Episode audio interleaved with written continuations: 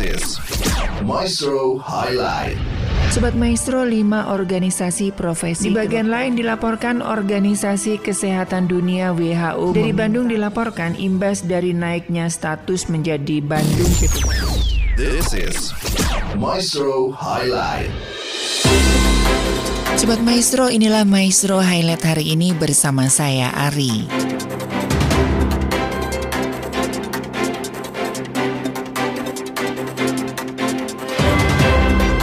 Sobat Maestro, Kementerian Komunikasi dan Informatika telah melakukan pemblokiran terhadap 157 ribu konten perjudian online sepanjang tahun 2022. Namun jumlah ini masih mengalami penurunan 24 persen dibanding tahun 2021 sebanyak 205 ribu konten. Sementara jika dilihat secara total, Kementerian Komunikasi dan Informatika telah memblokir sebanyak 605 ribu konten perjudian online sejak tahun 2018. glass. Pemblokiran konten perjudian online paling banyak terjadi pada 2021. Ada pula pemblokiran 2000 lebih konten yang dianggap melanggar hak atas kekayaan intelektual. Sebanyak 1900 konten yang diblokir terkait dengan penipuan online.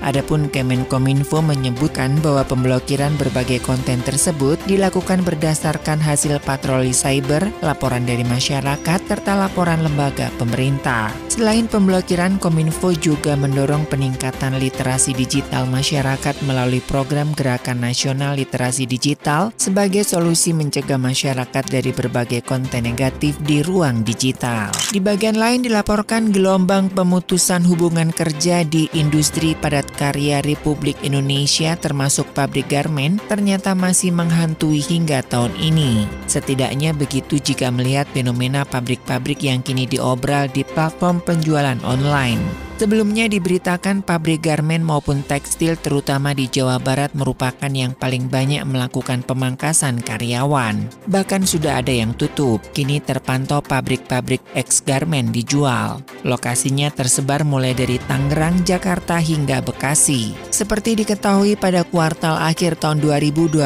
yang lalu, pengusaha tekstil dan produk tekstil nasional mengakui telah terjadi PHK ribuan buruh, belum lagi merumahkan ribuan buruh lain lainnya, menyusul anjloknya permintaan di pasar tujuan ekspor seperti Amerika dan Eropa, akibat perlambatan ekonomi sebagai efek domino pandemi COVID-19 dan perang Rusia-Ukraina.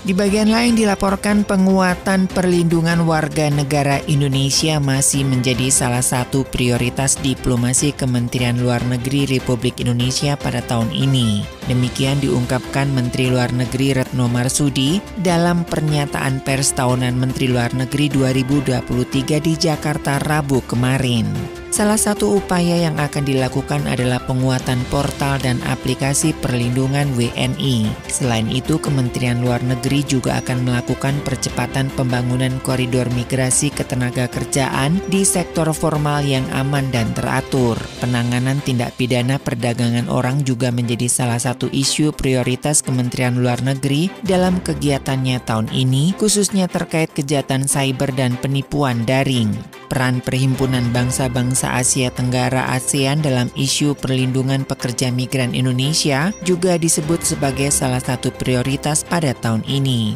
Selain diplomasi perlindungan, sejumlah isu yang menjadi prioritas Indonesia termasuk diplomasi kedaulatan, diplomasi ekonomi, diplomasi kesehatan dan kontribusi Indonesia di kawasan dan dunia.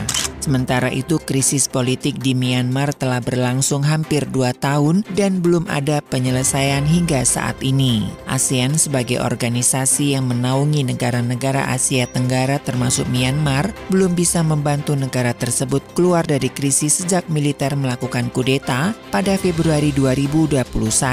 Sebagai presidensi atau ketua ASEAN tahun ini, Indonesia juga akan fokus untuk menangani krisis di Myanmar. Menteri Luar Negeri Retno Marsudi memaparkan akan melakukan sejumlah langkah untuk krisis Myanmar. Retno mengatakan Indonesia akan membentuk kantor utusan khusus yang dipimpin oleh Menteri Luar Negeri. Untuk menangani krisis Myanmar, langkah yang akan diambil Indonesia akan selalu berdasar pada prinsip dan nilai fundamental piagam ASEAN, di antaranya taat pada hukum, prinsip demokrasi, dan pemerintahan konstitusi konstitusional. Informasi kami rangkum dari berbagai sumber berita. Stand strong.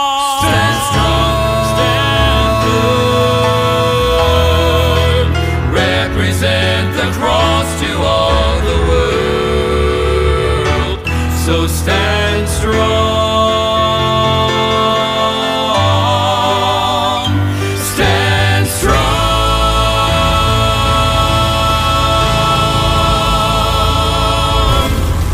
Thank you for listening Maestro Highlight.